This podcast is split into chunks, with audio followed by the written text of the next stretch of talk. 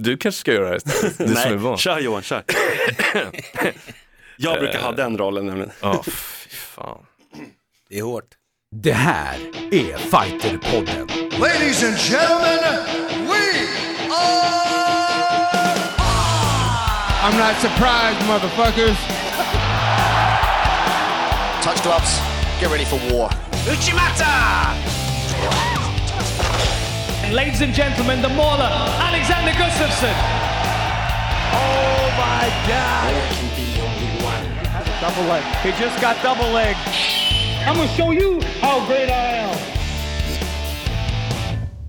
Hej och välkomna till Fighterpodden avsnitt 34. Äntligen tillbaka Johan Haldin. Ja, ja. Här är vi, alldeles bara du och jag, nästan bara du och jag. Precis, och, och jag som snackar här är ju inte Mårten Söderström som det brukar vara. Utan Nej, det, jag det är tyckte du såg lite konstig. Vi har lite manfall. Ja, Hans är ju i Abu Dhabi och eh, är där säkert och håller på att trolla med BI med sin klubb. Och vad är det med Mårten då? Ska vi, ska vi ta och pröva att ringa honom? Det kan vi väl göra. Mm. Tjena Mårten, är du där? Här är jag! Vad händer? Du är inte här. Nej, hur går det? Ja, vi, vi hankar oss fram, är, vi försöker liksom så gott vi kan. Ja, jag ligger här raklång och försöker äta i en säng. Har ni gjort det någon gång?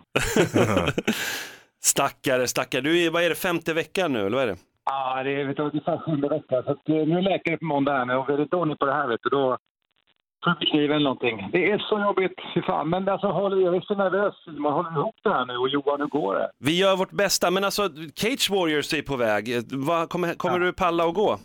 Ja, alltså det är ju, jag, vi måste ju, jag tänkte så här, kryckor och sen är ju ni med, så ni kan ju stötta mig, eller hur? Mm. Mig. man kan nog inte lita riktigt på oss där, det får vi se liksom. Men, men hur är det, har vi biljetter dit eller eh, har du koll på Ja, det? absolut. Vi har biljetter och vi har för utlottning också. Åh, oh, nice, härligt. Hur många? Två stycken. Kan inte ni köra en utlottning på det sen? Det kan vi göra, självklart. Ja, ja bra. Mycket bra, mycket bra. Men kan vi räkna med dig nästa gång då? Absolut, då ska jag vara där igen. Jag lovar. Jag lovar. Kör Och, hårt nu. och ta med dig Hans Wiklund också. Han är på väg till Abu Dhabi. Han ska, han, han ska kanske tävla i. BJJ, Abu Dhabi. Jo visst, han, håller på, han, ligger, under, han ligger under radarn. Han ska Mm. dit med sin son Elis som ska tävla. Men nu fattar jag som att kanske ska även Hansa köra, men han vill inte lägga någon press på sig själv. Så vi har ju bästa samtalet när han kommer tillbaka. Det är ju verkligen coolt. Vad är det för åldersklass någonting? Är det Han är veteran? ju plus, plus 70 år va? Super Det där sa senior. du, det där sa du. Det är liksom... Nej men fan, Master, master, master, master. ja, dubbelmaster. Ja, men eh, krya på dig Mårten så får vi se dig nästa gång här. Krya gubben. Lycka till. Ha det Tja. bra. Hej, hej. Hej. Tja! Stackars Mårten alltså, herregud. Du har ju erfarenhet av att ha ont i ryggen också Johan. Mm, nacken. Fyr, Nacken fyra år av eh, nackhelvete. Men du ska vi inte prata om mig? Nej det ska vi inte, vi har Vi en har- gäst här ja. som, och innan jag säger namnet så får vi se om ni, ni kan gissa vem det är. Kampsportsprofil, programledare, skådespelare, grundare av Södermalms Shaolin-förening, arrangör och initiativtagare av All Style Open, Challenge Cup, Master Cup, dessutom föreläsare, moderator, konferencier och entreprenör. Herregud, Tabo Motsiola. Åh, du- vilken presentation. Fan vad stolt jag blir. Jag blir lite mallig. Det tycker Tänk, jag du kan tänk bli. om det var sant allt det där. Är det inte det? Jo, hyfsat sant. Men fick du med kampsportare? Kampsportsprofil. Ja, okej. Det, det, då, då måste man nog vara kampsportare också. Liknar kampsporter. Kanske inte för sig. Ja, en gång i tiden skulle jag vilja säga att det var, Okej. det var det första man tänkte. Ja. Inte längre. Jo, wow, jag, alltså, jag som är tillräckligt gammal för att ha varit med, jag tänker ju på Dabo som kampsportare fortfarande. Absolut. Nej, men vi har väl några få kampsportsprofiler och du är en av dem. Musse Hasselvall tänker jag också på. Han brukar ofta nämnas som kampsportsprofil. Men för den allmänna, för liksom allmänheten är du ju mest känd som programledare såklart. Ja, det är jag, fast inte i Stockholm. Eh, nej, men det händer ju faktiskt minst lika ofta att man kommer fram och säger Åh, min farsa tränade för dig. Eller morsan. Okej. Så, så att, eh, det, det är väl, det är väl eh, twofold. När jag jobbade på fyran då var man ju liksom ett husnamn. Nu har jag ju hamnat i mindre, stora sammanhang. Så att, Mindre stora sammanhang. Kampsportsgalan, sex år och så vidare. ja, för att prata om ett litet sammanhang. Nej, men, eh, nej, men det är väl båda de två eh, bitarna folk kommer ihåg mig för. Eh, kampsporten och eh, jobba med media. Ja. Ja, men spännande. Vi kommer prata mer med dig och grotta in oss lite i din gala som du presenterade, ny sport, allt möjligt. Men först har vi lite kampsportsnyheter Johan. Ja, minsann.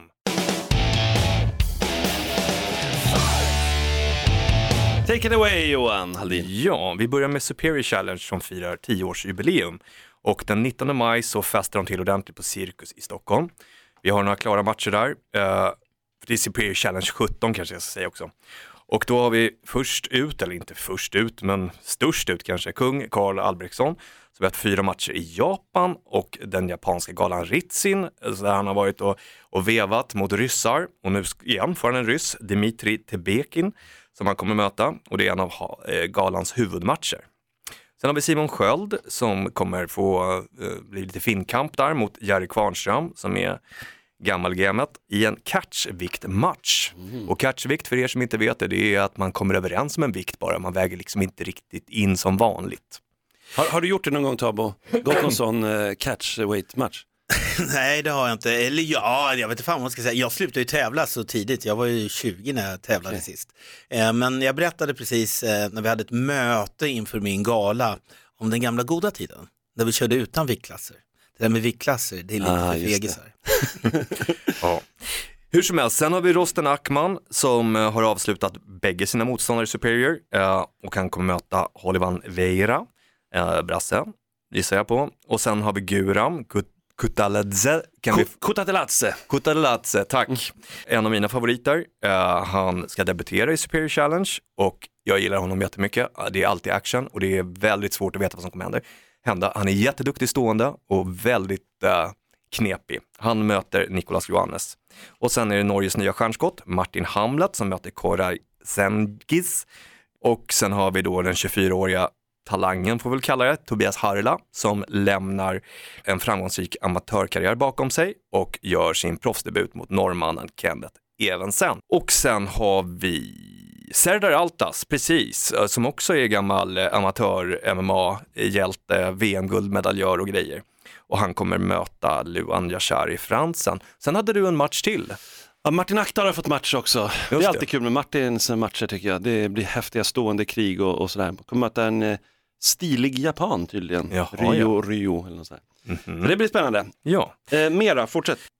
ja, sen har vi David Tamer som kommer möta The Don Madge i lättvikt. Sydafrikansk fighter som gör debutant, alltså som är debutant. Det är lite så oväntat, eller vad säger du Johan? Mm. Men han har fyra raka matcher, eh, vinster, eh, tre knockar och en rear naked. Så att, ja, det finns väl säkert någonting i det här. Men jag tror att Tamer kommer att eh, utöka sitt record till fem raka vinster och sen får han garanterat en tuffare motståndare.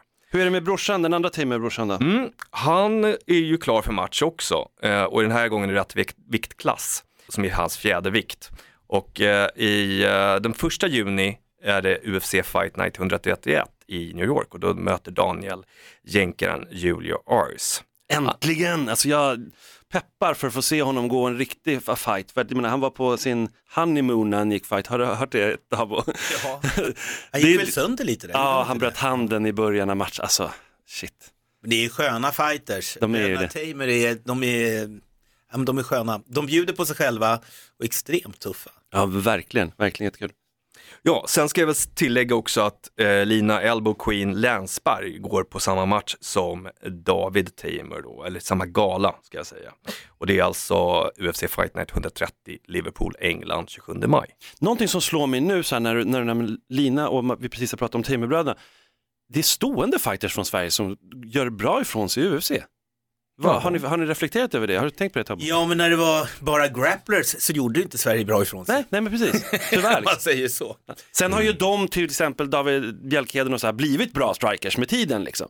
Det är intressant. Man kan väl också säga att eh, vår främsta fighter Alexander Gustafsson har blivit en väldigt bra grappler. I alla fall en bra brottare och bra nedtagningsförsvar. Och, ja, precis. Duktig på att ta sig upp. ja, verkligen. Tog ner Daniel Cormier flera gånger, alltså det där. hatten av på den. Fortsätt Johan. Ja, sen har vi eh, 26-åriga Panik Jansad som ehm, alltså Invictas eh, före detta titelutmanare som kommer tävla under organisationens nästa evenemang den 24 maj. 4 maj ska det vara. Eh, och hon möter nog då brasilianskan Bianca Bibi Daimoni, kan hon heta det? Mm. Pani kommer in med tre raka förluster, eh, men innan det så hade hon ju åtta raka segrar. Så man, det är ju liksom lätt att, att glömma bort det. Man tittar bara på det senaste, de senaste matcherna, men hon har en, en solid bakgrund. Hon är uppe nu bland de allra bästa, det är det som är grejen och då, Mm. då är det tufft. Sen är Jack The Joker Hermansson eh, möter UFC-veteranen Thales Leites den 12 maj, eh, kanske hans svåraste eh, match hittills. Och det blir hans tredje match i Brasilien, alltså Jacks. Eh, Den första i Rio och Jack har ju sedan, tidigare gått två matcher i Sao Paulo och förlorat båda på via decision. Va? Det är tufft att gå i Brasilien som svensk allmänt, alltså just det här trycket och sen värmen, alltså nu är han norsk nästan, höll jag på att säga. han tränar i Norge, men det är, det är samma klimat, liksom. det är ungefär samma grej.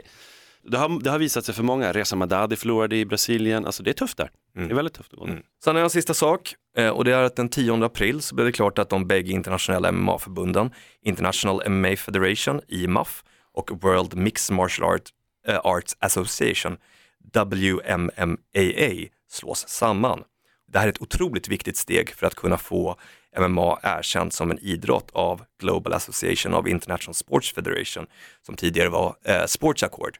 Men det där är intressant för att varför vill IMAF gå in bland de här citat galna ryssarna som det är? Det är Vadim Finkelstein och de här som har WMMA. Eh, A. Eh, och, men då är det ju så här, de har samma mål. Och det är väldigt bra. Det här kan ju binda samman liksom kontinenter och målet som är vad Johan? OS. OS, det har det varit från dag ett, så att det, det, så är det ju.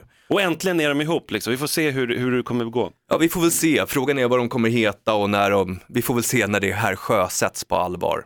Alltså kampsport är ganska mycket politik, är det inte det Tabo? På tok för mycket politik. Även i Sverige menar jag. Ja, alltså jag är helt matt. Ibland håller man ju på att ge upp hur mycket politik det är. Alltså. Ja.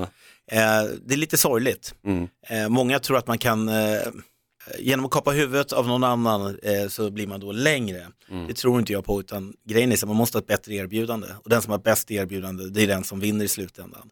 Och där har vi problem i Sverige därför att vi är väldigt mycket förbundsmänniskor.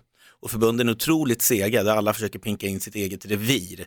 Då sätter man krokben för varandra hela tiden. Så kommer nya sporter som är mer uppdaterade, mer nätbaserade, har ett helt annat tilltal och har konkreta mål. Det här ska ut till folk, det här ska generera pengar, det här ska vara underhållande. De, våran förbundsverksamhet har alltså en susning, inte en chans. Nej, förstås. Du har tänkt mycket på det här, eller hur? Du har varit med om det länge också, sett det nära. Jag har sett isberget smälta. Exakt. Är du klar då Johan på Sverige? Ja, Jag skyndar mig över lite internationellt då. KSV 43 har ju gått av stapeln förra helgen och där, det är alltså en gala vi aldrig pratar om i Sverige, men det är den största europeiska MMA-galan. 1,7 miljoner polacker såg den där galan och de har riktigt, riktigt bra fighters. Första gången faktiskt de hade en eh, gala där det inte var två polacker som möttes i huvudmatchen. Hänger du, håller, håller du koll på KSV? Nej, jag måste säga att jag tappade när UFC liksom accelererade sin, sina, sina utgivningsdagar, när det blev för, för mycket MMA helt enkelt. Då drog jag ner på mitt tittande, och, men an- innan det så såg jag ju allt. Eh, framförallt då för 10, 12, 14 år sedan, då såg jag varenda match, varenda gala. Eh, eh, men det händer inte längre. Det faktiskt. går inte riktigt Nej. längre. PFL, The Professional Fighters League, har dragit igång och det är alltså tidigare WSOF, World Series of Fighting. PFL, de kommer köra en liga, det är ett ganska coolt koncept de kommer eh, dra igång nu. Det är så här, under ett års tid så 72 fighters har fått kontrakt där och så möts de i de sex olika viktklasserna och sen så, de, alla kommer inte möta alla i viktklasserna men de kommer möta några och det är, man får tre poäng för en seger. Det kommer vara liksom som en fotbollsliga liksom lite grann. Tre poäng för en seger, winner takes it all så man får ingenting vid oavgjort så vitt jag vet än så länge. Och sen så får man tre extra poäng om man avslutar någon i första ronden, två i andra och en extra poäng i tredje. Det är ganska häftigt Johan. Jag tycker det är jättebra, det är lätt att följa. Eh, Det är det som jag tycker att, alltså, många, många turneringsformat inom kampsport har varit svåra att hänga med i. Eh, När det inte har varit som till exempel Tabos, eh, alltså det här när allt, eller det japanska för den delen, när allting avslutas samma dag eller samma helg. Då är det ju mycket lättare, då går det fortfarande. Det som är coolt här det är att den här kommer vara gratis också för alla. Facebook har gått in, sponsrar den och eh, NBCNN har också gått in och sponsrat. Så att eh, det blir kul att det är gratis. Det är, alltså, det är ju reklampengar som kommer betala det helt enkelt. En miljon dollar får man som vinnare i sin viktklass och eh, sen har de fyra miljoner dollar Hur många till. matcher går man för att eh, bli vinnare? Ja, så först är det ju själva liksom säsongen då nu här under året och då, det är lite oklart exakt hur många det kommer bli, men Det, de säger att det ska vara 120 matcher eller någonting, 72, ja, man får räkna lite på det där. Men det blir några matcher i alla fall.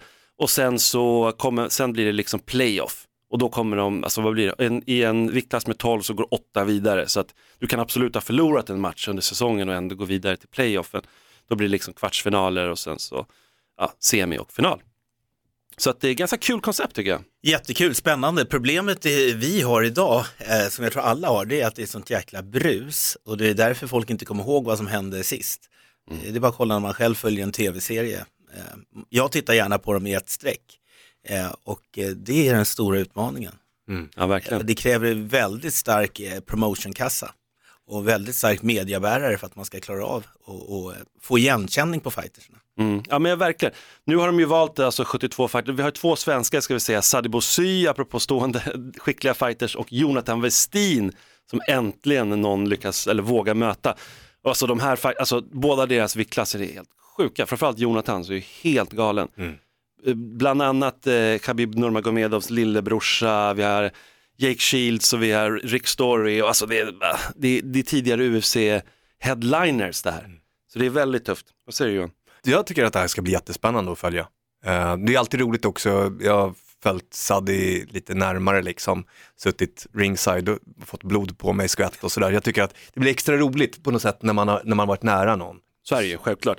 Eh, vi har Ben Askren och Rory McDonald som vill mötas och det är lite så här, Ben Askren har ju dragit ner, han har egentligen pensionerat sig, han är champ i One FC, det här är fortfarande MMA vi pratar om. Rory McDonald, champ i Bellator och de vill, jag tror att de liksom lite så här, det händer mycket grejer nu, nu kommer den här galan, PFL och UFC kör som nästan aldrig förr. Och de måste liksom, det är det här bruset som du pratar om Tab, de måste göra någonting, så då har de börjat snacka ihop sig men folk bryr sig inte jättemycket ändå. Det är lite synd. Sen har vi boxningen, måste vi prata om lite. Canelo, eh, alltså 49-1-2 har ni två oavgjorda där. Alltså, ska ju egentligen, det skulle gå en rematch mot Golovkin men eh, den slutade oavgjort sist och nu blir det nu har han blivit dopingavstängd tyvärr. Sex månader bara och det är för att det var bara lite, lite, lite eh, otillåtet med. Han säger att han har ätit något kött som var liksom kontaminerat i Mexiko. Så det är ovan, ovanligt. Eller hur? Ja, ja, ja, för fan. Är det inte läppserat så är det något annat. Det var någon, någon fighter som brukade köra att han hade käkat mycket hästkött va? Ja, men det är lite sådär. Klenbuterol, vet du vad det är Johan? Nej? Klenbuterol, ja det var i alla fall det ämnet sådär. Vi har haft UFC 223 och, och vi kan börja med det rent sportsliga. Det var ju alltså Tony Ferguson snubblade på en kabel eh, och skadade sig, man ska inte skratta åt det men det var så pi- pinsamt på något sätt. Två, fyra gånger har de liksom ställt in den här matchen, Khabib Nurmagomedov och Tony Ferguson. Och där klev Max, Holloway in, skulle ta den matchen men det var tufft att, att klippa vikt på så kort tid fast han är fjärdeviktare, skulle gå i lättvikt. Och sen blev det ju kaos och, och det är liksom det osportsliga här. Johan, vad hände? Connor blev lite störd över att hans kollega, hans stallkamrat Artem Lobov. Artem Lobov blev eh, lite mm, pressad av eh, Habib och hans eh, kompisar. Och eh, då kändes det som att han blev väl en 10-9 år gammal, Connor, och tog med sig sina, sina andra kompisar i 9-10 års åldern och skulle attackera eh, bussarna där då. alla har ju sett det här och liksom, alltså det har kablats ut och det, vad, vad tycker du Tabo, alltså, blir det en, en, en negativ, alltså än en gång kampsport hamnar i sån här skit liksom. Fast jag tycker vi har kommit förbi det på ett plan. Alltså, nu är det personligt att det är Connor som handlar som han gjorde. Eh, så att, nej, jag tycker att man kan ta åt sig för att det dyker upp dumskallar. Det finns ju liksom lite överallt. Mm. Sen är det ju så att han är lite too big to fail också. Eh, normalt sett, hade han varit lite en sämre fighter så hade han ju varit slut som artist. Men eh, det är för mycket pengar och det vet han säkert om. Jag tror inte att han är så korkad. Så. Fast det gällde ju faktiskt John Jones också. Det är klart att det finns en gräns när man Ja, inte men köra är... på eh, kvinnor med barnvagn och du vet, det är lite skillnad ändå. Ja, ja. Mm. Jag, jag, tror att han, eh, jag, jag tror att han kommer ha, det är klart att folk vill se honom, folk vill se den här idioten, men, eh, men jag tror inte att han har så många chanser till på sig. Han kommer ju upp i rätten i, i, i julas, får vi se vad, hur det går. Alia Quint i alla fall fick ju möta till slut Khabib Nurmagomedov och det blev en ganska ensidig match, även om många påpekade att det fanns liksom lite hål i Khabibs stående game där i den matchen. Men Khabib vann ju det och tog, blev därmed lättviktsmästare i UFC. På samma gala vann Rose Namajunas och eh, behöll, behöll bältet mot Joanna Jędrzejczyk.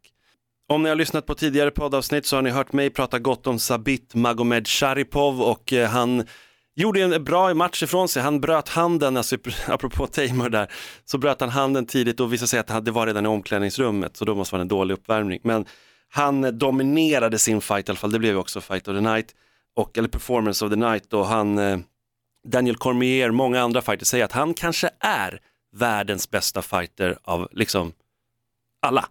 Så att det, han är väldigt hypad den här Sabit. Så att upp till bevis, han måste möta bättre fighters. Mm. Men eh, det är sp- en spännande fi- fighter, verkligen. Eh, sen har vi också haft Poirier mot eh, Gaethje, Usyk Fox där. Och ja, Gaethje tar mycket stryk och, och mot Poirier som är lite bättre striker. Det är, vad ska man säga Johan? Jättekonstig strategi, jag gillar inte alls det där. Jag, har du sett den matchen, Tabo? Nej. Nej. Eh, Gaethje, han tar emot saker i, i huvudet för att kunna dela ut tillbaka. Så det är någon slags konstig rock'em sock'em strategi. Jag, jag gillar inte alls den eh, modellen. Det, jag, jag tycker att det är dumt. Det är säkert folk som tycker det är underhållande men det är inte det, det, är det jag vill se. Det blir korta karriärer. Ja men det blir det, det är så synd liksom. Han är ändå väldigt talangfull men han, och han har gått ut och sagt att ja, men det spelar ingen roll vinst eller förlust, jag vill göra att det är underhållande. Men utan hjärna sen också, stackarn. Nej men det var en helt okej gala utöver det. Det är synd att se Carlos Condit eh, i, förlora igen tycker jag. Någon som har varit så jäkla bra, det är, det är aldrig roligt. Israel Adesanya fick vi se igen och eh, ja, det var en tuffare match den här gången. Kommande då, UFC, eh, så har vi ju Barbosa vs Lee, där ja, en tuff stående fight förhoppningsvis, vi, att vi kan se fram emot det. Sen är Frank Edgar kommer möta Cub Swanson på samma gala. Samma gala. Mycket MMA blir det och mycket MMA har det varit, men det har varit mycket annat också. Simon, vi har glömt en grej. Vadå? Cage Warriors. Ja, men vi, vi ringer upp Graham Boylan så får vi alla svar där. Han är arrangör av galan. Ja men vad bra.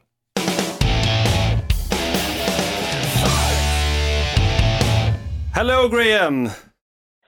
Hello there, how are you? It's good, it's good. How are everything going? Everything's going great. We're getting ready for Sweden to uh, get all the uh, trucks and vans ready and packed up, and we're heading to Gothenburg on Monday. Okay. So uh, are you nervous or you're so, so experienced that you, you have no nerves, right? we don't do nerves or stress. We've done so many shows. You're Irish, right? This industry. I'm Irish, yes. Yeah, correct. then, then you have no nerves. That's great. No, So what, uh, doesn't what come into the equation. tell us a little bit about uh, the event. Okay, so we we, we arrived in uh, Gothenburg this week, and uh, we'll be doing Cage Warriors '93.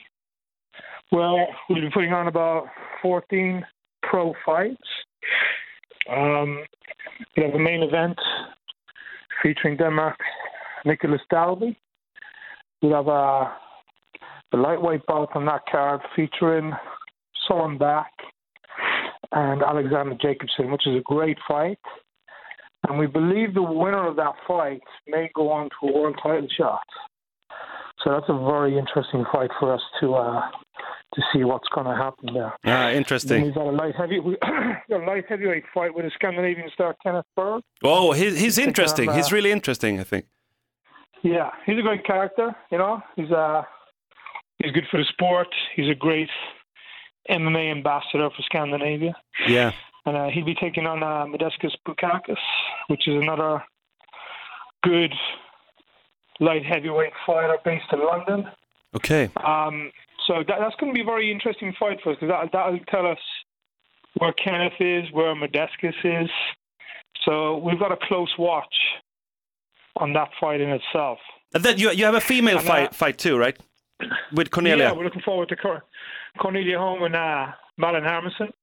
Uh, both girls one and zero. Someone's zero has got to go. Yeah. And uh, we're looking forward. I believe it's a bit of a grudge match that both girls are wanting to fight each other for some time.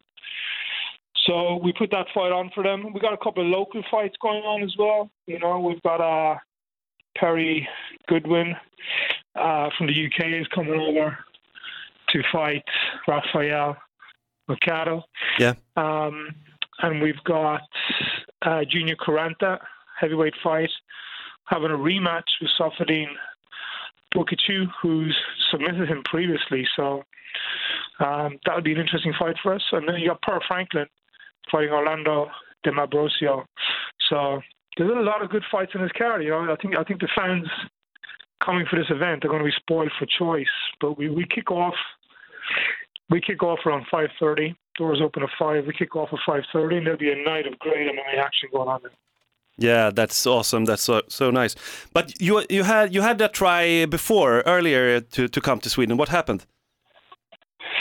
So we came. We looked at Sweden a few years back, and uh, there was all sorts of complications with getting getting matches approved by the Swedish Mixed Martial Arts Federation at the time, um, where it wa- it wasn't really uh, a a just system at the time, and I think there's a the the Swedish Mixed Martial Arts Federation has developed a lot more since then.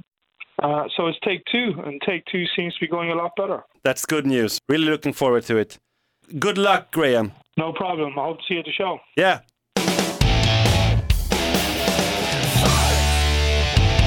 Ja men yes, där hade vi Graham Boyland, eh, Cage Wars.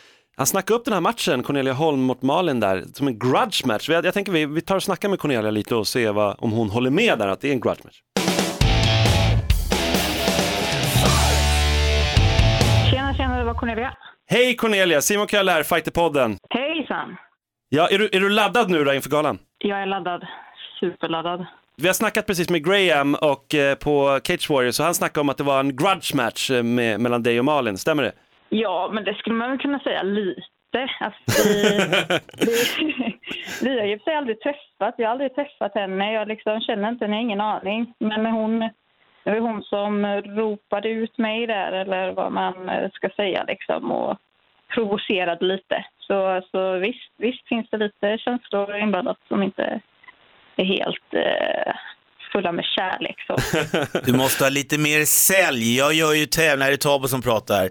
Du måste ha sälj i det här. Annars säger de att det är en grudge match. Du, du, du måste ha sälj. Okej, det är grudge som fan. Jag Du hatar henne. hatar henne. Jag hatar henne. Jag dödar henne. Nej, det behöver du inte säga. Det behöver du inte säga. Nej, men alltså hon, hon ju, har gjort sig lite, hon gjorde sig ju verkligen ett namn när hon, eh, sist där, när hon slog Gabriella. Vad, hur tänker du nu? Alltså jag vet inte fan om det är värt att, att, att få ett namn efter en sån match. Skittråkig lagmatch tycker jag, som hon vann på split decision. Så jag, Mm. jag vet inte, inte superimponerad kan jag inte säga. Nej, men det, det var ju en tuff, det var en tuff match liksom. Väldigt, och hon drog ju ändå in Gabriella att köra liksom ett spel som inte riktigt Gabriellas normalt sett. Ja, jo. Det, du, du hamnar ju lite samma. Det blir lite klassisk sån här striker versus grappler med hennes boxningsbakgrund och du är ju, liksom, har en mer bot- brottningsbakgrund. Ja, Är, är det så du ser att det kommer utspelas också? Det kommer det väl. Eh, om inte hon eh, har tänkt att hon ska brottas, men det antar jag att hon inte har tänkt. Men det, det tänker jag däremot. Eh, och jag tror det kommer, det kommer ske på mina villkor, ser jag det som. Så nej, det kommer bli en bra match. ja, men du har en bra coach också, du har en väldigt speciell relation förstås med Jocke. Kan du berätta lite om den? Ja. Eh, nej, men vi är ju supernära. Han är ju viktigaste, en av de viktigaste personerna eh, i, mitt, eh, min fighting. Liksom. Och, och vi har haft det här campet, det är ju, har ju varit helt fantastiskt. Jag har inte kunnat önska mig ett bättre camp. Vi har jobbat tillsammans liksom varje dag och planerat, planerat varje minut av varje träning i princip. Så nej, det är fint. Det är fint. Häftigt, häftigt. Har du mycket vikt då, Tara? Det börjar, det börjar ta sig. Eh, inte så mycket kvar, men uh, 4-5 kilo ungefär. Så det känns, känns lugnt. På en vecka, lite drygt. Ja. Det är farligt Cornelia. Nej, det ska det inte vara. Jag har, jag har professionell hjälp av en, eh, en, en erfaren kille. Så eh, han säger att det kommer gå lätt. Som tappar dig på blod det sista. kommer tappa mig på blod, exakt. Tar en liter på slutet. Raka hela kroppen. Och Oj, vi har många, många tricks. Lavemang har jag hört. eh, Men Simon, för helsike. Hon sa raka på hela Skärpning. kroppen. Det kändes som hon öppnade den dörren ganska rejält. att, känner du att det blev lite grabbigt på något sätt? Här? Cornelia är lite grabbig skulle jag säga. Det, det blir väl lätt så. Men berätta lite, vad, hur, hur kommer matchen gå då? Vad, vad, alltså, du, du säger såklart dig själv som vinnare, men, och hur vinner du? Eh, jag kommer vinna på avslut tror jag. På, på eh, så ground and pound eller submission. Ground and pound till submission skulle jag gissa på. Häftigt, häftigt. Ja, vi ser verkligen fram emot Mm. Och nu Kommer är du... säljet på plats. Nu är det på plats, verkligen. Vi kommer ju naturligtvis försöka få tag på, på Malin. Eh, hon är på väg hem tror jag från Bali. Är det någonting du vill hälsa till henne? Eh, ett lycka till. Kan vara trevligt. Det var väldigt snällt. Det blir väldigt svårt att liksom dra, ta din röst, man får nästan spela upp det för Malin i så fall. Man hade velat ha bild, man hade velat bild på det här, lycka till. Liksom. Om det är, är det någon ironi där eller om det är lite arrogans eller om det är bara en skön humor. Det kan man, få, kan man få tolka hur man vill. Verkligen stort lycka till Cornelia, det ska bli Ja. riktigt kul att följa den här matchen men också karriären som helhet. Vi sitter på ringside och tittar på dig. Stort lycka till. Tack ska ni ha. Ett poddtips från Podplay. I podden Något Kaiko garanterar östgötarna Brutti och jag, Davva, dig en stor dos skratt. Där följer jag pladask för köttätandet igen. Man är lite som en jävla vampyr. Man har fått lite blodsmak och då måste man ha mer. Udda spaningar, fängslande anekdoter och en och annan arg rant. Jag måste ha mitt kaffe på morgonen för annars är jag ingen trevlig människa. Då är du ingen trevlig människa, punkt. Något Kaiko, hör du på Podplay. Därför är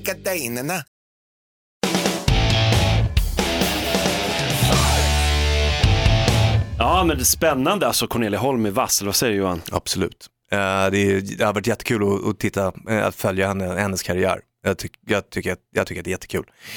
Eh, det här är kul, jag, jag, jag gillar hela formatet, att det är en mindre gala, eller det är det ju inte, det är, en, det är en stor gala, men att få sitta nära folk man känner när de tävlar och känna deras coacher och sådär, det blir en helt annan grej. Jag, för, jag måste säga, jag har det, sagt det många gånger, jag föredrar det verkligen framför att sitta på UFC.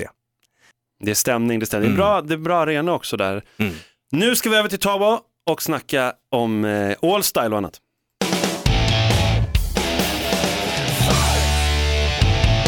Tabo Moziola, snälla hjälp mig med uttalet av efternamnet. Motseloa. Mozieloa, det, det är lätt att... I fem minuter Jag kommer jag komma vägrar byta namn. Det är väldigt många blattar som gör det lite enklare för folk. Så här, Thomas Mattsson. Eriksson. Ja, men hette inte du Tobbe Motseloa? Nej, men det är mycket lättare att säga Thomas Mattsson. Men eh, Tobbe Motseloa. Tabo. Och det är ett betyg. Okej. Ja, när jag gick i småskolan så hade vi hockeylirare som hette Zorilla och Nedomanski och det kunde folk säga, men klasskamraterna kunde inte mitt namn även fast man gått i samma klass i fem år. Så att jag envisas. En vacker dag kommer alla svennar kunna säga Tobbe Motseloa. Gedigen karriär förstås inom kampsporten och, och som entreprenör och allting. Men om vi fokuserar lite på kampsporten nu då. Du har ju dragit igång en gala nu här och All Style och berätta nu om hela grejen. Vad händer? För det händer mycket nu. Ja, det händer jättemycket nu och jag har ormar i magen. Eh, ja, men det har jag faktiskt. Vi gör ju en tävling eh, den 28 i Eriksdalshallen som är All Style Open. Och det är ju så här lite eh, en habil hushållsprodukt, om man säger så. Många som kommer och tävlar, många gör sina debuter där, några hänger kvar och gör sina karriärer där. Eh, men den kanske är en tävling som är mer för de tävlande än för publiken i dagsläget. Hur, hur menar du då? Menar du? Nej men alltså vi har inte gått ut och eh, annonserat den här tävlingen särskilt mycket. Eh, vi har jobbat rätt mycket med närmast sörjande. En fighter, han babblar lite omkring och sen men jag ska komma och kolla och se dig fightas då. Han drar med sig fyra, fem pers. Och det är en algoritm som stämmer. Jag vet, har vi 120 deltagare, ja men då har vi 480 på, på läktaren. Men vi kommer att börja eh, rikta oss utåt mot publiken. Vad vi har jobbat med de senaste åren, det är att se till att få en jävligt lean produktion. Sista tävlingen vi gjorde så hade vi ja, typ 120 matcher på fyra och en halv timme. Och det är väldigt rastmarscherat. Det gör att det är roligare att ställa upp och tävla och det gör också att det blir roligare att komma och titta. Och jag tror att inom ett år så kommer du kunna veta så här, ja men Simon han går match klockan eh, 12.30, ja gick han vidare så kollar du mobiltelefonen, det gjorde han. Ja, nästa match går 2.45. Och då, då kan du sticka ut och göra vad fan du vill och komma tillbaks. För människor idag är så pass stressade.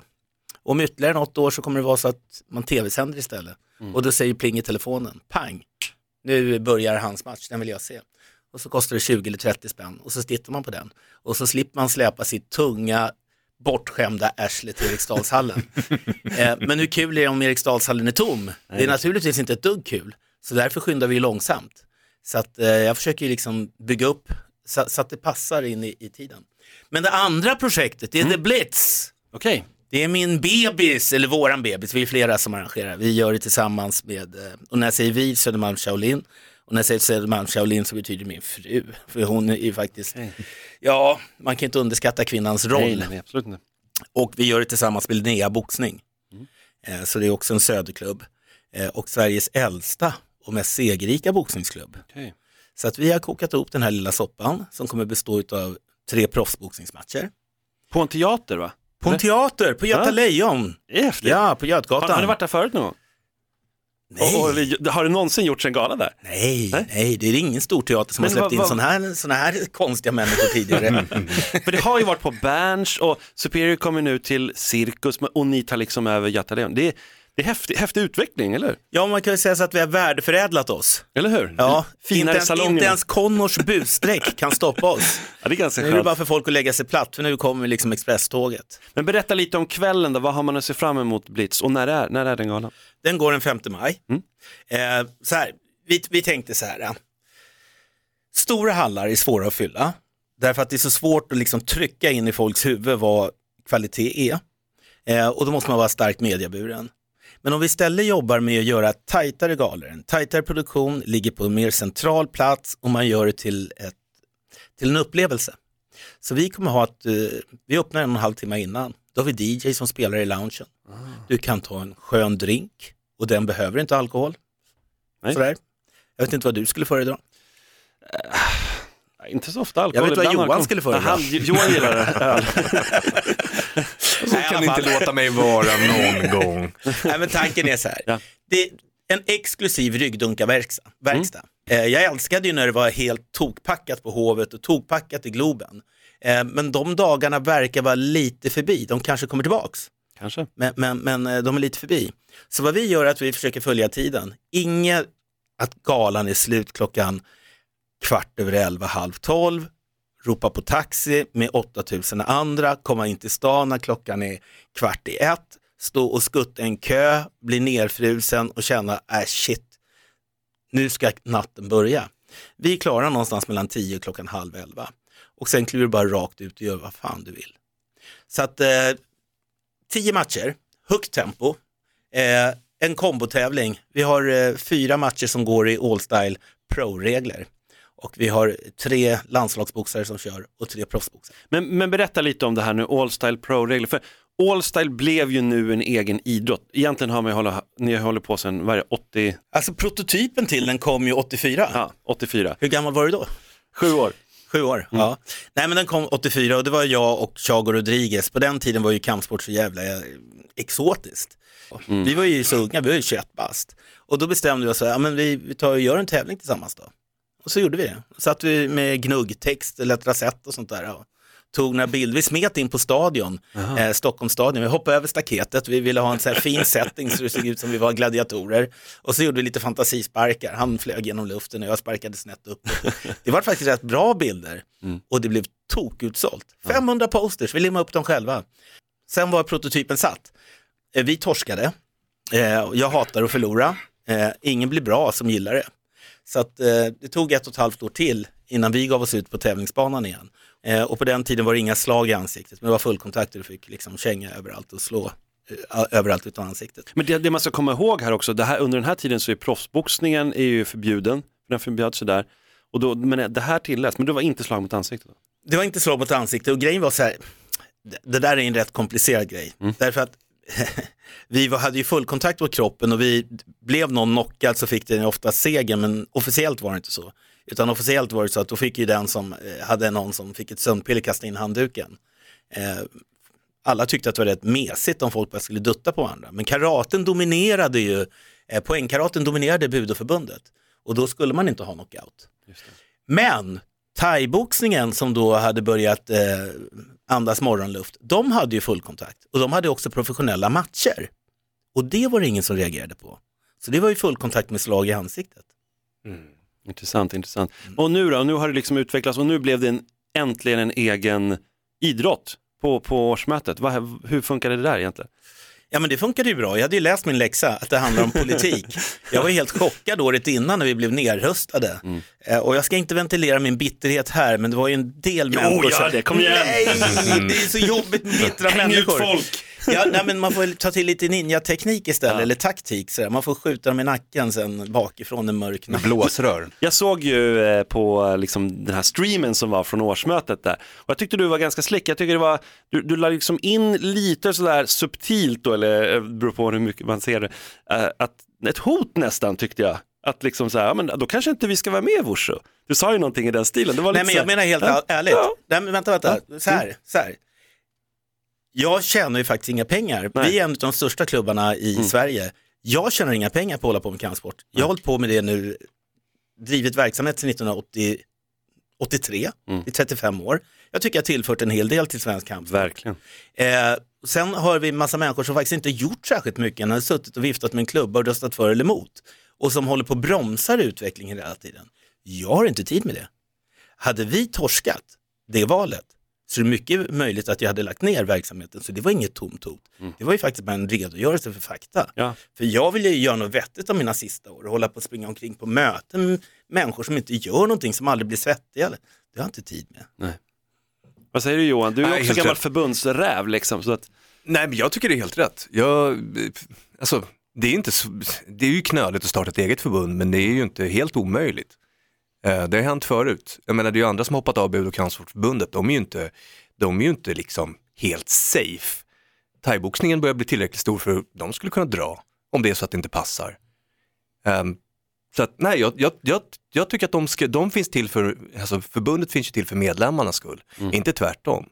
Så att, nej, jag tyckte, jag tyckte det var helt rätt att sätta lite press på dem. och nu, då blev det kampkonstdelen, eh, visst stämmer det? Hette det Alltså, så, vi, ja, vi inordnade i Kampkonstförbundet. Okej. Eh, så. Mm. Eh, vilket inte egentligen innebär särskilt mycket. Nej. Skillnaden är ju så när du har en eget underförbund sen, då, då rasslar det till eh, kanske lite mer deg. Då, då. Ah, Okej. Eh, så. Men vi är inte riktigt där än. Det viktiga är att vi bygger ut verksamheten. Mm. Så var det Kung som jag hotade med nu? Nej, ja, det var väl Wushu, ja precis. Wushu-sektionen. Men, men vi får ju säga så här att eh, där hade det utförts ett fan- fantastiskt eh, mediokert arbete under de senaste åren. Så sista SM ställdes ju in. Ah, okej. Och eh, jag och min kära fru då, som representanter från vår förening producerar ungefär 230 matcher om året. Svenska kickboxningsförbundet ungefär 290 matcher om året. Så jämfört ifrån en förening till ett helt förbund då, då, då menar jag så att det är självklart. Det är- Vi har ju massa idrotter som är med i förbundet som har färre medlemmar än vad vi har som klubb. Mm. Och eh, det är liksom 67 klubbar på de senaste tre åren som har deltagit. Och I snitt ungefär 50, 50 per tävling. Men om du siar nu lite framåt då, om du tänker liksom, för nu kommer vara den här Blitz och det, Allstyle kommer växa förhoppningsvis och spridas. Kommer ni, hur, hur hur ser du på det framöver, alltså inom ett år eller två år? Eh, nästa år så är det ju tanken att det ska bli SM. Eh, jag har en del planer som jag inte vill avslöja just Okej, nu. okej. Du får komma tillbaka, så du får komma Du sa ju entreprenör, affärshemligheter. Husky voice. Eh, men det handlar egentligen om att göra tävlingar som är bra för de som tävlar. Mm. Eh, det tycker jag att vi gör idag. Det ska bli fler som arrangerar dem. Vi har ganska mycket know-how hur man arrangerar. Mm. Så de som ansluter sig till förbundet, vill de ha våran hjälp, man får skilja på förbund och förening. Mm. Men då är vi gärna med och hjälper folk att göra det. Jag tror inte man kan sitta på en, på en idrott och försöka monopolisera den. Men jag tror att man ska harmonera dem. Man ska inte ha stora kvalitetsskillnader vad det gäller domslut, vad det gäller regler, för det orkar inte folk med. Det blir bara stökigt. Eh, så vad det handlar om är egentligen att bredda, att fler kan få tillgång till att tävla. Om man tittar riksregionalt. Eh, kanske ordna någon form av liga i, i, i, i tävlingarna. Och eh, det som är väldigt bra det är att de här åren innan vi har riktiga landslag, för det måste byggas internationellt, det är ju en parallell utveckling. Okej, mm. Eh, då hamnar ju pengarna i en kassa som man kan använda för att producera. häftigt. Eller Men alltså, det, kommer det här konkurrera på något sätt med K1 eller kommer ni liksom, eller hur? Det är också stående och man kan köra lite vilken stil man vill, eller? Vad är skillnaden, K1 och Allstyle? Ja, vi är mycket äldre, i den Mm. första frågan, det första svaret. Ja men så. Och K1 är också en liksom, privatägd organisation. Men, men vad, vad skulle du säga annars är skillnaden? Nej, men skillnaden mellan K1 och oss är, är då att du får svepa, Mm. göra takedowns, det får du inte göra K1. Nu pratar jag om pro-delen. Absolut. Så Ja. lite som Sanda där då? Eh, Ja, men sanda får du kasta. Just det, det får Och då är det göra här. jävligt många som inte vill vara med på Ah, goda okej, grunder. okej, okej. Alltså när, när du får kasta så finns det ju stor anledning för många att packa träningsväskan och gå därifrån. Då måste man ha tränat helt enkelt. Ja, ja okej. exakt. Eh, och sen så har vi så att du ska ha en solid träff, men du får inte mer poäng för ju hårdare träffen är. Okej. Så de jobbar ju med 10-9 systemet. Vi jobbar med löpande räkning på träffarna. Så säg till exempel att du kommer från taekwondo där du kanske jobbar väldigt mycket med speed. Sätter du bara en solid träff, då får du poäng för den. Är du med? Ja, jag är med. Vi jobbar på eh, två minuters ronder, vilket driver upp tempot. Där var ju K1 väldigt smart jämfört med, med, eh, med Tajem. Där man jobbar i fem ronder, man får höra musik som låter som man har tarmvred. eh, jag älskar thaiboxning men jag, jag tycker det är plågsamt att höra den där musiken om jag ska vara ärlig. Gillar du inte näsflöjt? det var coolt. Nej, så, så, så, så, så är det. Men, men jag skulle säga då, eh, det snabbaste sättet att förklara systemet det är så här, tänk K1, men att du får svepa. Om vi ska prata om, om pro-delen. Eh, men sen skillnaden är ju faktiskt att du har eh, ett tally count där träffarna räknas. Så du kan ju faktiskt ha en person som har eh, gått runt och prickat väldigt mycket i två ronder, sen åker på ett par riktiga råsopar, kanske en räkning också och ändå vinner matchen. Och så känner man sig, hade det varit en rond till hade det varit knockad. Ja, men jag drog ihop mina poäng. Okej. Intressant. Vad säger du om det Johan? Jag, tycker, jag, jag vill att det ska finnas så många olika regelsystem som möjligt så att man kan skräddarsy. Utifrån min horisont, MMA-horisonten, så jag gillar eh, att man får liksom experimentera med lite olika grejer. Och generellt sett så tycker jag att eh, snabbare kickboxning där det ska vara knockdown tillåten fungerar bättre för, för MMA än vad thaiboxning gör. Eh, och det är egentligen bara utifrån regelsystemen. Jag dissar inte på något sätt thaiboxningens tekniker för de är ju suveräna liksom. Det här är intressant. Nu är du en MMA-kille. Då tolkar du direkt utifrån din, ditt perspektiv vad som funkar i MMA. Men de, de har, alltså thaiboxningen har ju också blivit snabbare utav K1. Mm. Så att de som är riktigt bra i thaiboxning idag är ju mycket snabbare än vad de var förr. Ja, så är det ju. Eh, Det här är ju en modell som vi Mm. håller på och bygger och därför är den inte tv-sänd när vi gör The Blitz. Jag vill kvalitetssäkra den. Mm. Titta liksom, det här är det vi siktar på. Vad funkade, vad funkade inte? Eh, Betatest. och- Betatest. och sen går vi vidare. Utmaningen för alla arrangörer det är faktiskt att få siffrorna att gå ihop. Mm. Eh, och det är väldigt många som gett sig in och gjort tävlingar och det är väldigt många som gått på pumpen. Men så är det ju. Och vi får se Nisse va? Nisse tränar som ett svin och han möter, han möter en elak kille, eller han är väldigt sympatisk men Vem- inte i ringen. han? Han heter Ash Byrne och har varit Bangla Stadium-mästare och Wow. det ena och andra. Eh, väldigt duktig med hög knockout ratio. Det är alltid kul att se Nisse. Men, men eh, hintade du lite att det här kanske är hans sista eller något sånt där eller? Nej, det är inte, jag tror inte det är hans sista, men Nisse tävlar typ bara två gånger om året. han vill käka annars. Nej, men han gillar livet. Han Ja, behöver ju ja. inte det här. Liksom. Nej. Han har bra jobb och sådär, men han älskar att träna och det han gillar när det blir en riktig utmaning. Vi tittade på lite matcher och jag fick en del liksom skamlöst enkla förslag. Sen kom jag med en kille som håller på att dödar folk och eh, nu tränar han stenhårt. Ja, vad roligt. Då Nu- tände han till. Ja.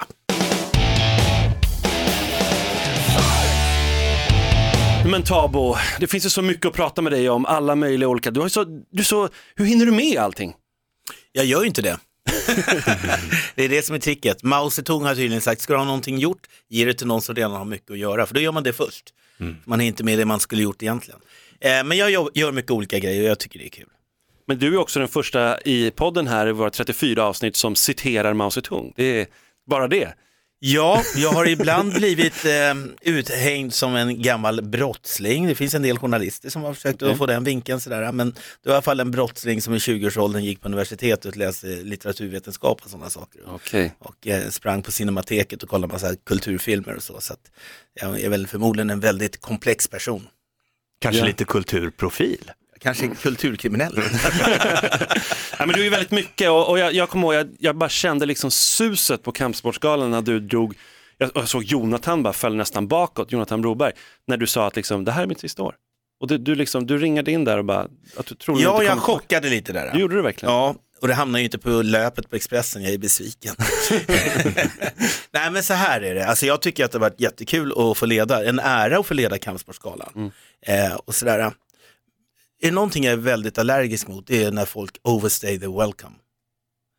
och när det inte sker någon förnyelse, när det blir statiskt. Det är också en anledning varför vi gör den här galan, The Blitz och det är kul med förbund och allt det där. Eh, det måste hända någonting. Och jag tror att för galans skull, när de fyller tio år, då kanske man måste göra ett omtag. Och jag, som jag har sagt till förbundet, det här är inte för att jag är arg eller sur på någon, utan jag är gärna med och bistår med lite tips. Men mitt ansikte har de stirrat på sex gånger och nog för att jag är fantastiskt vacker. Men eh, ja, vet du fan om ens morsan skulle vilja se mig en sjunde gång på scenen där.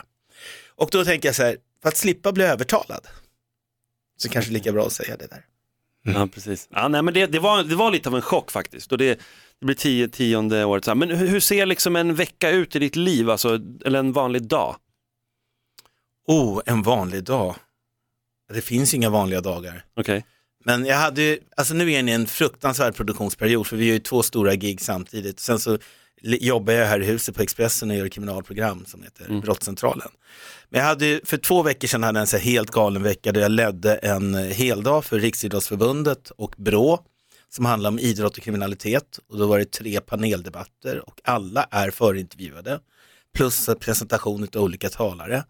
Eh, jag hade under den veckan tre förbundsmöten och vi hade motionen för Allstyle som skulle bearbetas, vilket innebär, som Johan vet, att man måste jobba subversivt och ringa och smeka, stryka folk medhårs och få dem att rösta åt den, eh, åt det håll man själv vill.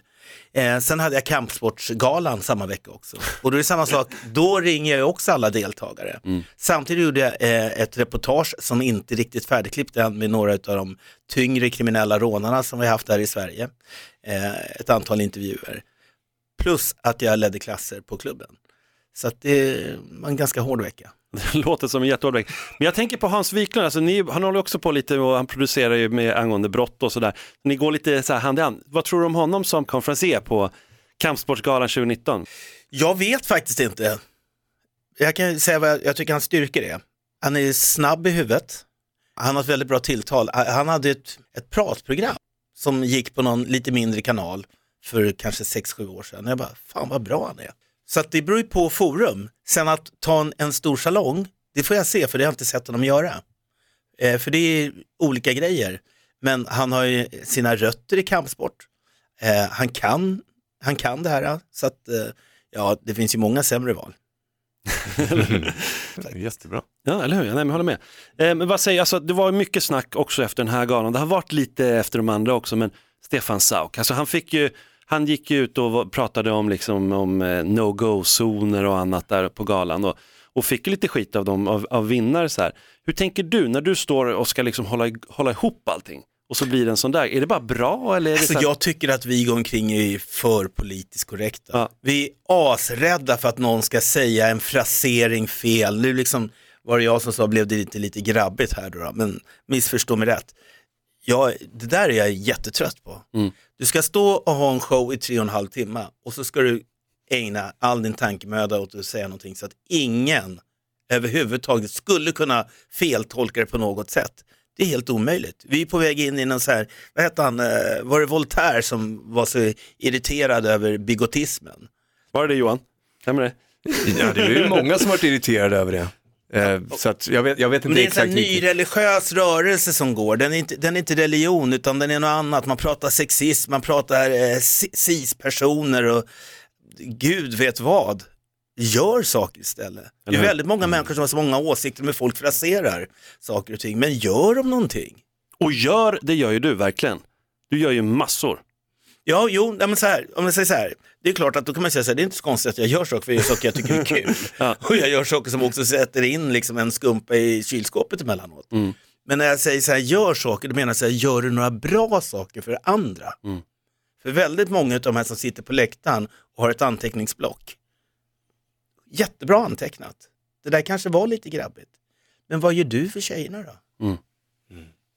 Så jag är rätt kontroversiell i mina åsikter. Jag skulle önska att alla de som är sura på att damfotbollen hamnar liksom eh, på efterkälken, eh, de ska vilja ställa frågan, går du själv på damfotboll? För det är väldigt många människor, jag ser på dem att de, de går inte alls på damfotboll. De bara noterar att det är mycket svårare för tjejerna att få samma resurser som killarna. Men om tjejerna var lika intresserade av att se på, på sin egen sport så skulle det vara den näst största publiksporten i Sverige. Det är den inte. Så att vi är lite skitnödiga i Sverige tycker jag. Det är ganska ängsligt också, är det inte det? Ja, det är otroligt ängsligt. Otroligt ängsligt. And it bores me. Ja. Men varför tror ni att det är så och varför fortsätter det vara så liksom nu? För det är ändå många som eh, liksom känner till att det är så här.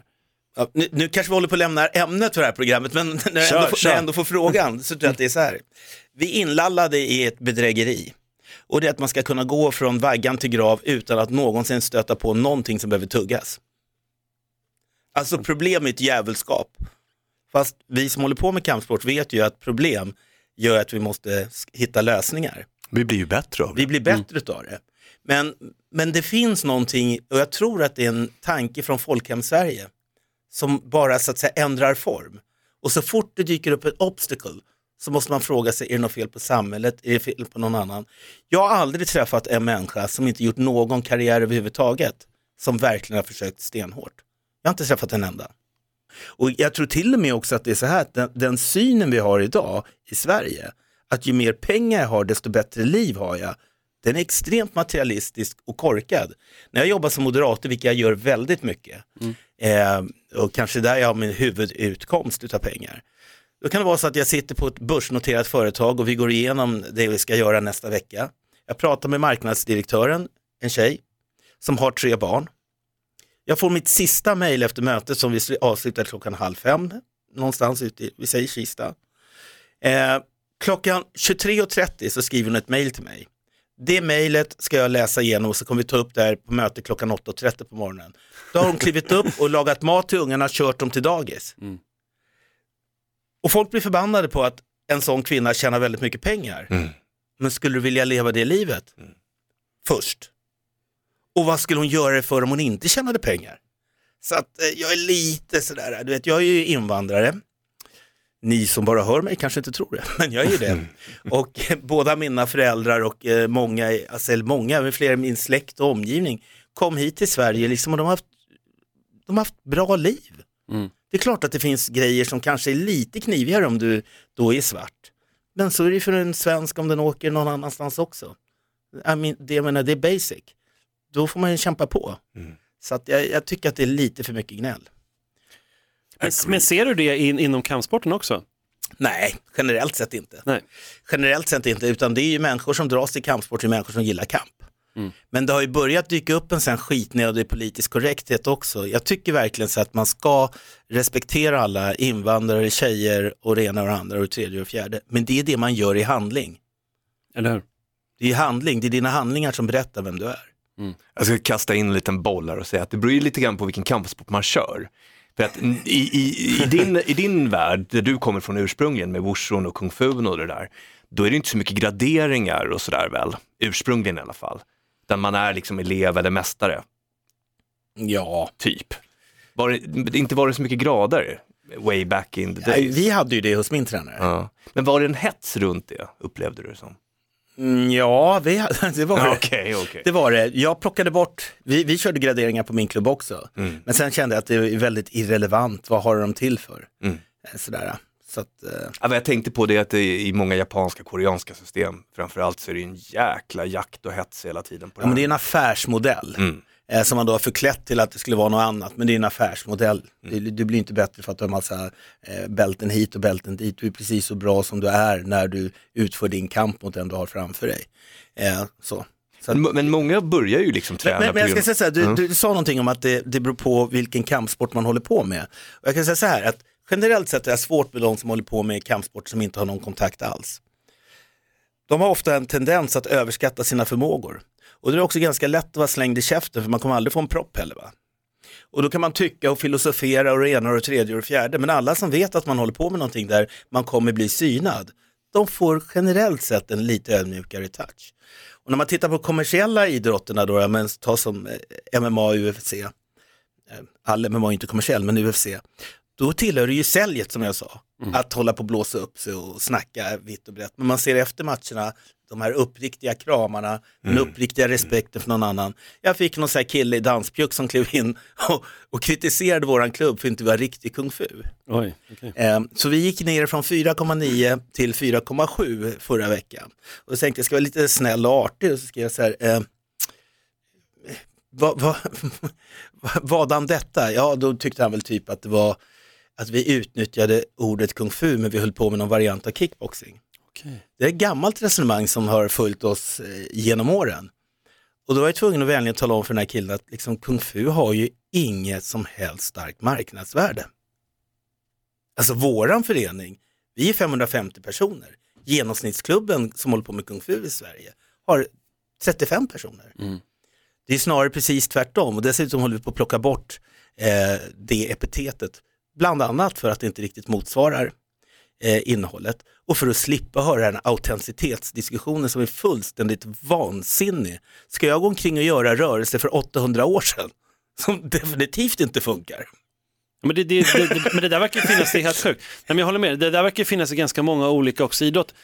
Det finns inte riktigt i MMA eftersom att det är någonstans, även om det också är gammalt, det är ju jättegammalt. De första tävlingarna såg man några som försökte, det gick inte så Ja, nej, men exakt. nej men det är intressant att det alltid finns de här liksom väldigt konservativa personerna egentligen som, som tycker att det ska vara en ren teknik som det gjordes, fast man inte riktigt vet heller hur de gjordes på 1200-talet eller Det intressanta är ju 1700-talet. också att alla stilgrundare har ju varit innovatörer. Ja. Det är alltifrån Iyogana, det är, eh, vad heter han, eh, Masatatsu Oyama, Mm. de har varit, varit innovatörer. Mm. Sen kommer det människor som har någon form av sån här kulturexotism. Ja. De åker till Japan, de äter som japaner, eh, de eh, försöker lägga sig till med alla attribut och så försöker göra grejer som Oyama gjorde för 25 år sedan. Men isn't that very stupid? Men fan vill ha en Volvo Amazon idag?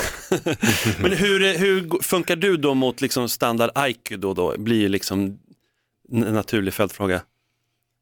För Ja, jag ai- förstår aikido, ut, aikido-utövare är ju väldigt mycket så här, där är det ju ändå kontakt men det är ju, eh, det, det går inte jättebra om du möter en aikido-utövare för den. Eh, och, På pappret, nej. Men i verkligheten vet du inte. Inte?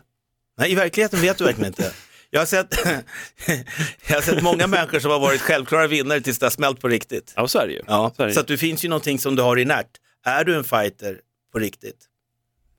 Och det kan man inte bara lära sig i träningslokalen. Det är någonting du dels är. Sen blir du en bättre fighter av att träna. Mm. Jag har sett killar som är skitduktiga eh, och fightas på mattan. Och sen har jag sett som man nästan stått och fått fnissa åt, liksom, vad fan, ska jag hjälpa dig härifrån? Du håller på att råka illa ut. Mm. Mot en Bulten i Bo. Intressant. Men du, är lite inne, du har ju varit inne på det också förut Johan, att det, är liksom, det handlar mer om fighten, alltså själva personen och sen så... Framförallt var det jättetydligt i, i steget över från eh, historisk träning som vi tränade på 70, 80 och 90-talet till, till nu. Att idag får ju alla vara med och alla kan faktiskt bli fighters. Vi, vi är ju så pass generösa idag på klubbarna, det var man inte förr. Utan där var det liksom, folk gick in och sen så var det, man tränade och sen var det sparring. Det fanns ett ganska stort gap däremellan, det var liksom en väldigt djup vallgrav. Och man såg vilka som skulle stanna. Det var ju en tung utgallring. När, Ja. när jag började träna, apropå det här jag sa tidigare med, med viktklasser, det var verkligen så. Eh, vi körde ju då inga utbyte med andra klubbar, men min tränare hade ju en jättestor verksamhet så att han hade väl en 12, 1200 elever någonting sånt där. Och så hade vi KM. Första gången vägde jag 56,5 kilo, andra gången vägde jag 57,5 kilo. Och en kille jag mötte, han vägde 85. Oj. Ja, en annan kille jag mö- mötte, han vägde 92,5 kilo. Inga benskydd, inga handskar. Vi fick dock inte slå i ansiktet, men annars var det som knockdown-karaten. Eh, full patte. Jag tänkte inte så här, fan vad oschysst, han väger 35 kilo mer. För jag visste att när jag skulle till tunnelbanan så kanske någon som väger ytterligare 10 kilo till. Ah, okay. mm. Jag tränade ju stridskonst, jag tränade ju inte kampsport. Nej. Jag tränade för att kunna greja min tillvaro och kunna försvara mitt lilla svarta skinn. Mm. Jag var inte särskilt storvuxen. Så om det sprang omkring någon liksom mustig snubbe som spelar handboll och vägde 95 kilo, ja, om han är ett problem så måste jag lösa det problemet.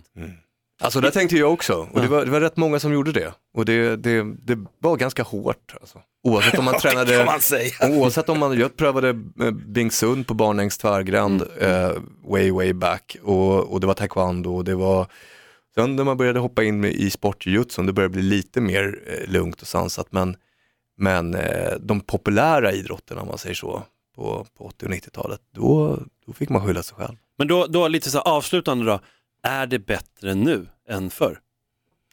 Ja, alltså idag så kommer ju inte folk och tränar för att de går omkring och är skraja för att åka på stryk i samma utsträckning som det var tidigare. Eh, utan man är mer intresserad av idrotten man tränar. Man tränar som idrott, man tränar som fritidssysselsättning. Eh, så det har blivit bättre. Eh, alla som var tunga och var tunga gubbar på stan eh, kunde ju slåss för. Idag kan du liksom väga 26 kilo och bara orka lyfta en picka. Och de skjuter. Så det är två helt olika planhalvor. Men du hade aldrig fått respekt på 80-talet för att det var en kille som för en liten lätt kränkning så stoppar du en puffra i pannan på någon. Folk hade bara sagt att de var idiot och önskat att de skeppade iväg med det på en gång. Så tiden har förändrats. Eh, och på det viset har det blivit bättre. Att det har blivit en större separation mellan kriminalitet och idrott. Tidigare var den mer intimt förknippad. Jag säger inte alls att en majoritet ens var kriminella förr. Men det fanns väldigt många som var profiler som också hade liksom en kriminell vinkling. Vem var den tuffaste, inte kriminell eller sådär, ingen sån här street fighter, vem var, vem var det liksom som du såg upp mest till? Framförallt efter att du hade eh, startat egen klubb, det är egentligen mest intressant. Vem var, vem var liksom förebilden då? Så tänkte jag aldrig. Eh, just därför att eh, jag är ändå lite sådär gatuppvuxen, sådär, det får du se när det väl smäller. Så, så tänkte jag inte. Men om jag säger så här, de som jag tyckte var, hade hunnit längst i det jag gillar.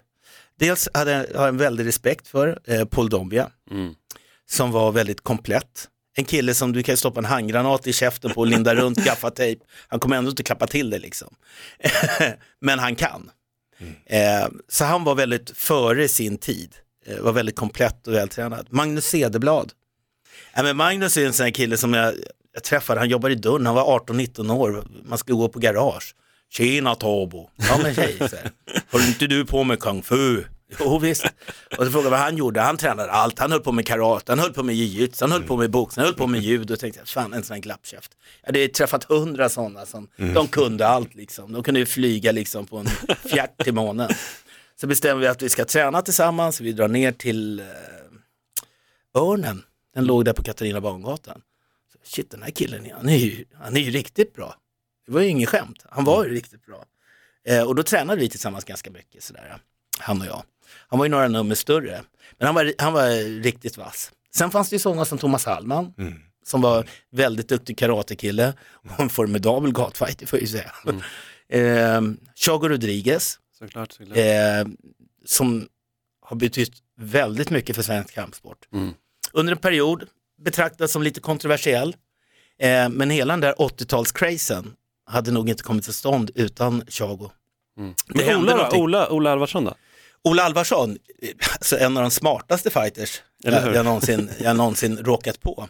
Eh, han kom fram till mig när jag jobbade i dörren ute i Sundbyberg och frågade om man kunde få låna filmer från mina tävlingar. Då var han 17 år.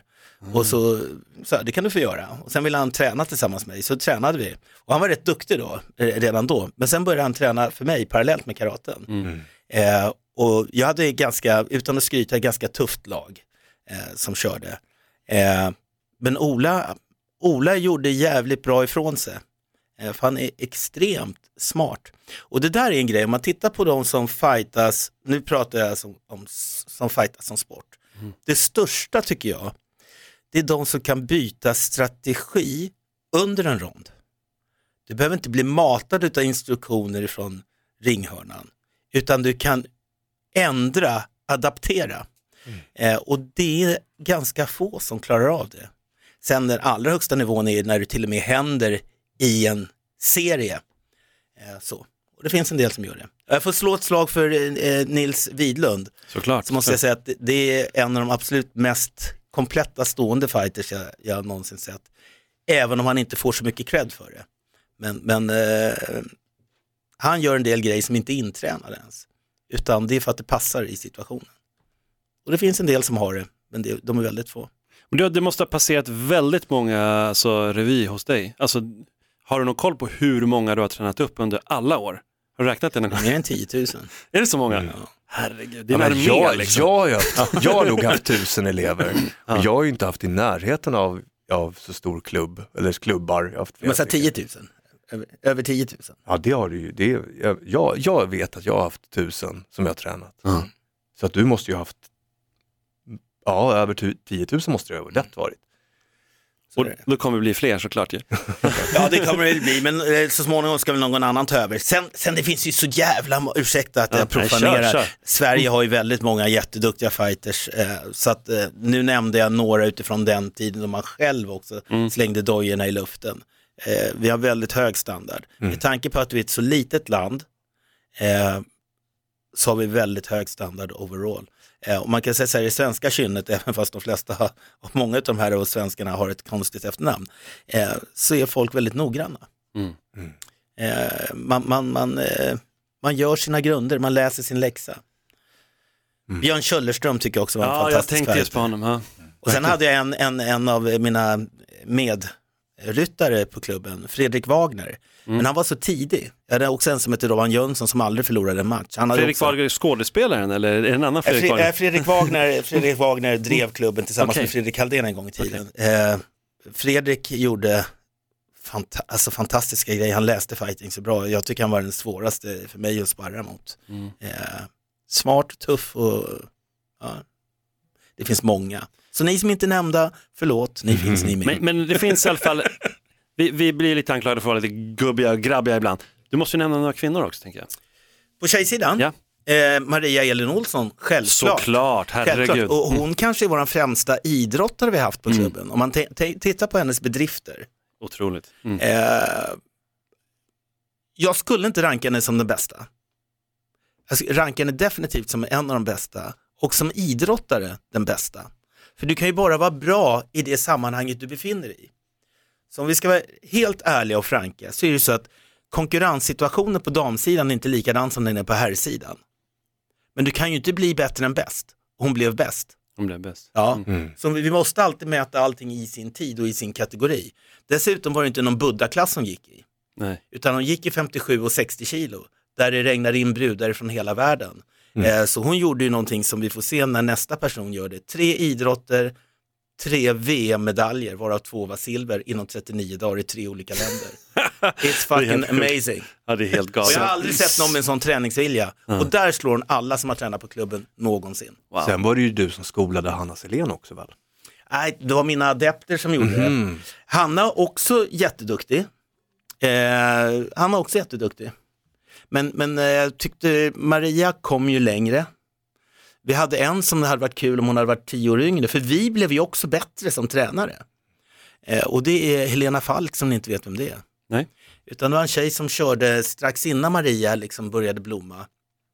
Eh, kom från karaten, tränade hos oss. Eh, she was one of the lads sådär, mm. men sparringsmässigt. Mm. Eh, var med i ett mastercup och vann då mot någon eh, ja, svensk mästare eller Europamästare i jiu-jitsu.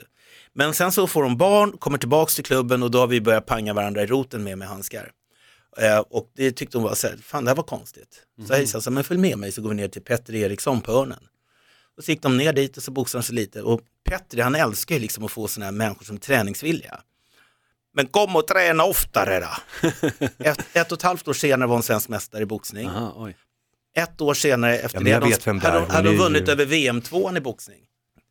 Så hon var ju en hårsmån ifrån, en hårsmån ifrån att komma med i OS-uttagningen. Och nu är hon en av gladiatorerna och hon Just är väl det. Sveriges sna- starkaste crossfit-brud.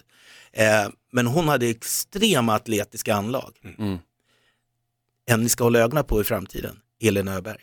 Okej, Elin Öberg eh, som är ihop med Oliver Enkamp. just det. Mm. Eh, Hon fortsätt- Sanda-tjej, eller hur? Eller? hon är allt. Ja, hon är allt. Ja, men liksom som vi, som vi, vi, vi tävlar i princip i allt som är stående. Och jag Mm. tror folk gör för stora skillnader och folk är för rädda för att pröva på olika grejer. Du blir Mm. mer snabbtänkt om du prövar olika grejer. Men hon har ju tränat, hon har tävlat i allstyle, hon har tävlat i, i sanda, hon har tävlat i thaiboxning, hon tävlar i kickboxing. Alldeles strax MMA. Alldeles Med all, strax hemma. all sannolikhet. Ja, nej, men hon, nej, hon gör det. Mm. Så hon åker ner till EM nu i sommar. mm. Så att, men hon har den där, och det ska jag säga så här, det, som cred till alla ni duktiga kampsporttjejer, extremt snabb utveckling idag. Mm. Extremt snabb utveckling. Och nu börjar man se de som verkligen har de där eh, snabba decision making, eh, som har striking power. Eh, så att jag tror att de närmsta 5-10 åren, det ser man på, på UFC också, Ja, verkligen. vilken nivå det har blivit på, på tjejfightingen. Så att, eh, den börjar bli riktigt bra. Men det är ju lite det här, för, för att sy ihop den påsen, det är ju lite det här att vi låter alla vara med Mm. numera. Och det var inte så många tjejer som blev kvar. Så var det ju. Mm. Ehm, det fanns inte utrymme helt enkelt. Och jag ska nog med handen på hjärtat säga så att man har nog blivit bättre på att ge tjejerna eh, den näring de behöver för att utvecklas än vad vi var tidigare. Eh, generellt sett är det också så att tjejer vill inte tävla om de tror att de kan förlora. Okej. Mm. Vi killar har ju förmåga att överskatta oss lite mer än vad tjejer har. Det finns faktiskt, det, det finns faktiskt, en, nej men det finns faktiskt forskning på det som säger att 90% av eh, män i väster, västerland, eller vad heter det? Västvärlden. Väst, ja, västvärlden eh, överskattar sin egen förmåga alltså gravt när det gäller att slåss. 90, det, det är så här 2000 procent eller något sånt där skulle jag säga. Det är ju helt liksom, Men det där, är, det där är både himmel och helvete. Det är fler utav som sitter på eh, asylums, på kåken, eh, skjuter hårs i venerna. Men det är också fler killar som eh, skapar Spotifys och sådana saker. Så det är två sidor utav samma mynt tror jag. Såklart, såklart. Eh, så att ofta får man kanske, inte alltid, men ofta får man kanske stimulera tjejer lite mer för att gå och tävla när de är, är startklara än, än med killar. Men är det självbevarelsedrift det här och att man tror att man klarar det bättre eller är det bara liksom brist på koll? Alltså ner med folk på en klubb och så får de känna på hur svårt det är eller vad säger ni? Jag vet inte, jag är inte antropolog. Nej. Men som amatörantropolog så tror jag att vi behöver det. Mm. Jag menar, det är därför jag är så dum så jag ställer mig framför en kille som väger 92,5 kilo och väger 57,5. Hur gick det? Ja, jag vann faktiskt. Ja, du gjorde det? Ja, men Då var du inte säga- det lite dopad seger också. Okej, vadå då? Ja, nej men jag hade ju ondare än vad han hade efter matchen. Aha, okej. Du haltade till tunnelbanan. Ja, och det, det var väl, jag ska tippa på att det var så här, det var nog ganska jämnt vad det gäller träffar.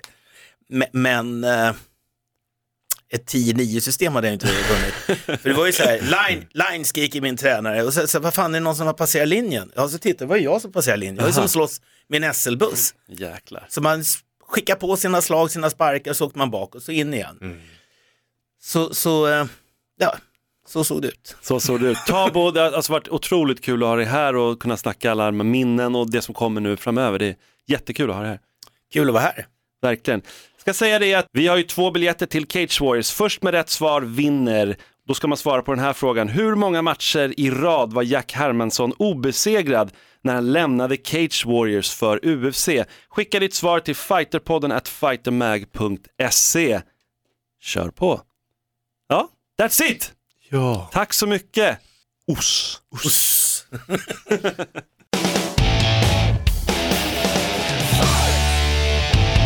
Fighterpodden produceras av Suba Media för Radio Play. Ett poddtips från Podplay. I fallen jag aldrig glömmer djupdyker Hasse Aro i arbetet bakom några av Sveriges mest uppseendeväckande brottsutredningar. Går vi in med hemlig telefonavlyssning och, och då upplever vi att vi får en total förändring av hans beteende. Vad är det som händer nu? Vem är det som läcker? Och så säger han att jag är kriminell, jag har varit kriminell i hela mitt liv men att mörda ett barn, där går min gräns.